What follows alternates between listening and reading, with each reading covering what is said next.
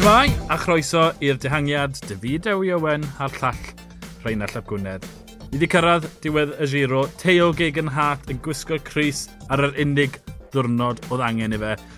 Yn curo Jai Hindley yn weddol gyfforddus o 39 eiliad ac yn hawlio teitl y giro. Rheinald, mi ddigwyddodd y peth o'n ni'n disgwyl, Teo Gegan Hart, oedd y gorau yn cloc, a mae fe'n llwy'r heiddi ennill y giro. Yn sicr, o ystyried yr anffawd gath Geraint a'r tîm bron i dair wythnos yn ôl, o ti'n meddwl, wel, dyna hi, mae e ar ben. Mynd am gymalau ar yr un llaw, ond wedyn ni, bo, Teo yn cadw gafel ar y ffefrynnau, just i weld beth byddai'n digwydd, a tîm yn sylweddoli bod e ar ei orau, a wedyn ni'n newid cywair ac yn rhoi y tîm y tu ôl iddo fe, Rowan Dennis yn arbennig, fe, fe yn y diwedd oedd y gorau. 39 eiliad, tymod, ras y gwirionedd yw'r ras yn erbyn y cloc, a dyna ni. Tymod, digon o awer iach rhwngddo fe a Jai Hinley yn y diwedd. Ie, yeah, a na beth sy'n digwydd gyda tîm fel unio sy'n cael amffawd mor gynnar, mewn taith. Gyda Bernal, o'n nhw'n weddol ddofn mewn i'r giro, felly oedd Carapaz wedi colli amser yn barod, oedd e ddim yn bosib mynd i plan B. Ond oherwydd bod Geraint wedi gadw ar y penwthnos cynta, neu ia, di llun cynta, mi o'n nhw'n gallu newid i'r plan B. Saith cymal, tri o'n nhw i gana yn ebyn y cloc, un cymal y mynydde i gana wedyn Narfaes a Teo Gegan Hart. Saith cymal, Grand Tour. Sa'n ti'n meddwl am tîm sydd wedi performio fyna heb gwibiwr? Ie, yeah, a a, a twa, fel nes i sgwennu ar Twitter yn syth ar ôl y canlyniad, nes i weid dyma i canlyniad gorau nhw mewn Grand Tour. Wedyn ni, glywes i bywedodd Robin bod ti a fe wedi cael trafodaeth a bod chi ddim cwaith wedi bod ar y cyd o ran y syniad hynny, ond i fi, dim just o ystyried bod nhw wedi ail greu'r tîm ar ôl i Geraint, ond mae fe'n un cymal yn fwy na 2012, Cris uh, raswr ifanc, uh, dosbarthiad y tîmau. Bydde, fe'n anheg just i weid, o, y giro we, dim y tor. Bydde hwnna'n anheg i ras fel y giro d'Italia i fi dros dair wythnos mas o nynlle ar ôl anffawd i berfformio fel hyn i fynd adre gyda gymaint o, o air fel petai. Uh, mae fe'n rhyfeddol. Mae'n dangos twa, pa mor ddwfn yw'r tîm o ran talent uh, ac o ran meddylfryd hefyd. Twa, ne newn nhw gofio hwn am byth. Ie, yeah. um, falle taw perfformiad gorau yn hanes y tîm, o, o ystyried lle mae'r dodau, e, falle ddim y llwyddiant gorau. Uh, Jai Hindley yn colli amser, ond mi oedd e'n gwybod neithiwr o'r ffordd oedd e'n siarad, bod e'n mynd i fod yn ofyn mowr i fe i orchfygu Teo. Nath Teo bron o fod Ciro Wilco Celdam yn y cloc, felly oedd digon ar ôl yn y tank gyda Teo, a oedd Hindley yn sylweddoli bod wedi colli'r giro neithiwr. Yn bendant, a tywa, ni wedi cael digon o drafodaeth am tywa, tactegau synweb. Dwi'n gwybod yn iawn tywa, beth, yw'r agwedd di, a, a dwi ddim really yn cytuno. Felly gweld ar ochr arall, yeah. uh, dwlyn, dwlyn bydde wedi gadael i Rowan a Teo fe'n lan yr hewl. Oedd rhaid bod, i rhywun eistedd ar yr olwyn.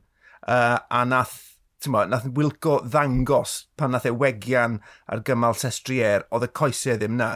Bydde dringo'r talentog fel Wilco Celderman yn colli'r olwyn ar graddiannau ddim mor serth a hynny yn, yn dangos i fi bod, na, nad oedd e cwait yna a hefyd y ffaith bod Teo a fe ar y cyd uh, yn yr ras yn erbyn y cloc heddi. Ti byth, fel wedes di nithwr, ti byth yn gwybod mm -hmm. yn amlwg, achos bo, digwyddodd un trywydd, a felly mae rhaid i ni fynd gyda'r trywydd yna, felly trafodaeth yn unig sydd yna. Bo, i, I fi allai weld yr ochr arall yn, yn ddigon rhwydd. Felly dyle Jai Hindley wedi ymosod gyda 10 km i fynd ar ail ddringfa stelfio, achos y, y, y cynlyniad gweithiau yw ail a trydydd. Ond twyd, pwy a o'r prig eich synweb y cyfle tro nesaf, ond twyd, sa'n mwyn fod rhy galed yn nhw, achos twyd, nath Jai Hindley waithau, e, nath Jai Hindley geisio cael gwared yn mewn llethre sestre ddim di o'n caled. Twyd, gwendid y ras yw ffaith bod y coleg Danielo ddim di bod yn rhan o fe. Wedyn bydde ni wedi cael gweld teio Jai Hindley, a wedyn Wel, os byddai'r cymal na di bod yna fe, byddai di cytuno taw mynd y drai Hindley oedd y peth gorau. Ond twa, fi moyn symud ymlaen o twyd, angytuno tactegol ni i twyd, gymrydwyo o ystyried ar y ddechrau'r daith oedd neb yn rhoi cyfle i Jai Hindi, mi oedd yn dipyn o berfformio gan yr Australia ifanc. Mae wedi cymryd cam mlaen, mi ath e'n ddofn, oedd e'n disgwyl yn grif ar, ar, ddiwedd, ar ddiwedd taith tair osnos, o war y teg i fe, rhaid i fod yn rhaid safle fyd. Celdym yn athwegian o Jai Hindley na nes y diwedd. Dylse Jai Hindley fod yn brod o'i borfformiad. Nes i ddal i gyfweliadau ar y linell derfyn a ware teg er oedd, oedd, oedd, oedd e'n timlo o fewn cyffwrdd a'r Cris, ond fe wedodd e, oedd e'n gwybod o fewn dyddiau bydde fe gallu rhoi'r holl beth mewn cyd-destun a fod yn hollol brod o beth oedd e wedi cyflawni beicwr ifanc a'r ail rhys y podiwm yn y Giro d'Italia yn sicr, dylse fi bod yn hollol brod. Anna dyma, pedwar cymal, Rhys Porffor a Gwen yr ywyn y betyd. Mi'n fwynhau oedd er tri dwrnod ola dathlu pam groeso dde sestre am yr ail waith.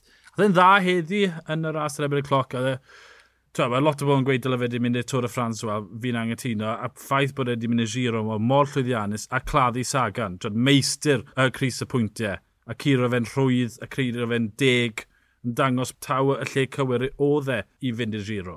O, oh, yn sicr. Allai gytuno da ti fyna gant y cant. A yn y diwedd oedd y giro yn ras fwy diddorol na'r tor beth bynnag, felly mae pawb yn mynd i gofio'r perfformiad hyn am, am flynyddoedd i ddod, a ty, fel ti'n gweud, y gwen, mae fe'n hyfryd, mae fel hael yn sgleinio trwy'r sgrin teledu. Mae, mae, mae jyst rhywbeth am positifrwydd Arno de Mars sydd wastod yn, yn torri trwyddo.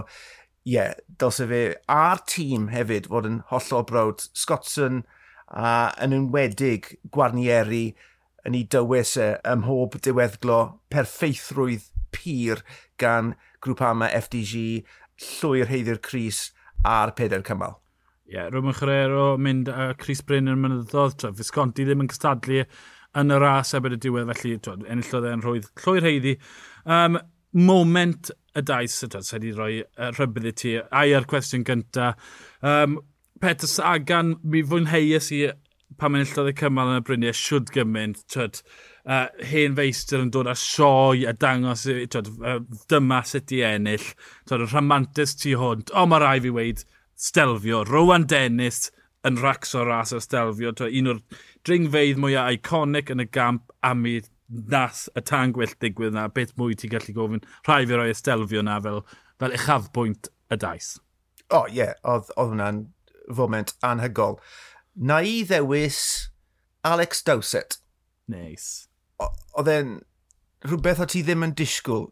Alex Dowsett yn ennill cymal hewl o ddihangiad. Mm Dath e ennill, beth oedd e, 8 mlynedd yn ôl yn y giro yn erbyn y cloc, ond nath e ddewis y cymal cywir a just yr emosiwn na wrth groesi'r linell derfyn a ti'n rhoi e mewn cyd-destun y ffaith bod na gymaint o ansicrwydd yn ei fywyd, dim wedi arwyddo yeah. cytundeb, babi yn dod uh, yn, yn y flwyddyn newydd, oedd just bywyd a chwaraeon yn bwrw mewn i'w gilydd a'r, ar ffrwydrad emosiynol yma uh, ar y sgrin i bawb i weld. Um, ie, yeah, nath e daro fi. Nes, nes i dimlo hwnna yn yng. Felly, ie, yeah, buddigoliaeth Alex Dowsett.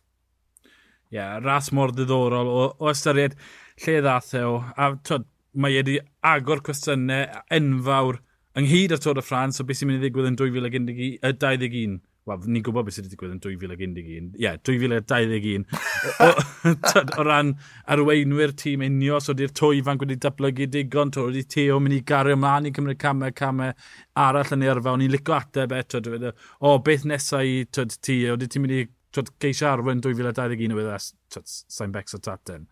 fi di enll y giro, fi moyn mwynhau nyr, sy'n really lovely bod wedi wneud na. Ie, yeah, fi ddysgu man, siw gymaint i 2021, ond hefyd, mae'r fwelta ddim ond digwydd, a gores i Twitter just ar ôl y ras, mae'n disgwyl bod y ras i tanio Reinald.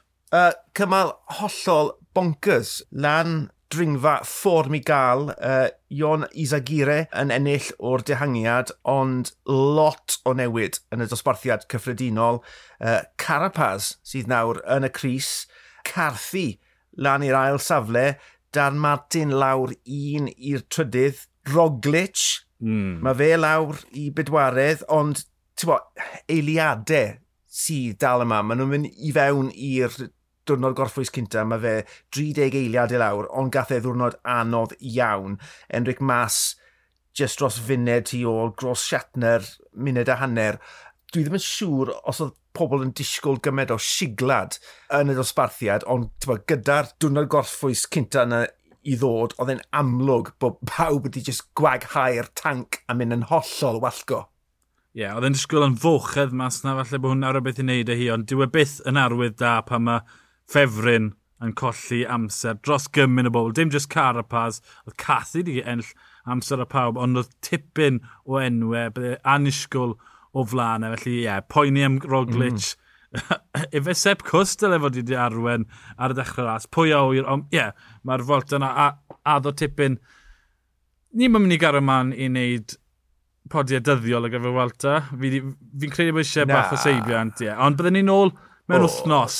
Byddwn ni'n ôl mewn wythnos i drafod beth sy'n digwydd. Pam ni wedi cael amser i adfer, pam ni wedi cael amser i mwynhau ar, uh, yn gwylio ar y soffa a dal ar and uh, Beth sy'n twymo lan i fod yn ras anusgwl, llawn cynnwrf, llawn rhamant eto yn y Volta? Ie, yeah, yn sicr mae yna fwy o dan gwyllt i ddod yn y Fwelta. Yn y cyfamser, diolch o galon i chi gyd am ddilyn uh, giro gyda ni. Mae'ch cefnogaeth yn meddwl y byd i'r ddau ohono ni. Saib bach nawr cyn ailymuno ar y Fwelta a Espania wrthnos nesaf. Ond o fi, Rheinald Ap Gwynedd, a'r llall, Dewi Owen, ni o'r dihangiad, hwyl.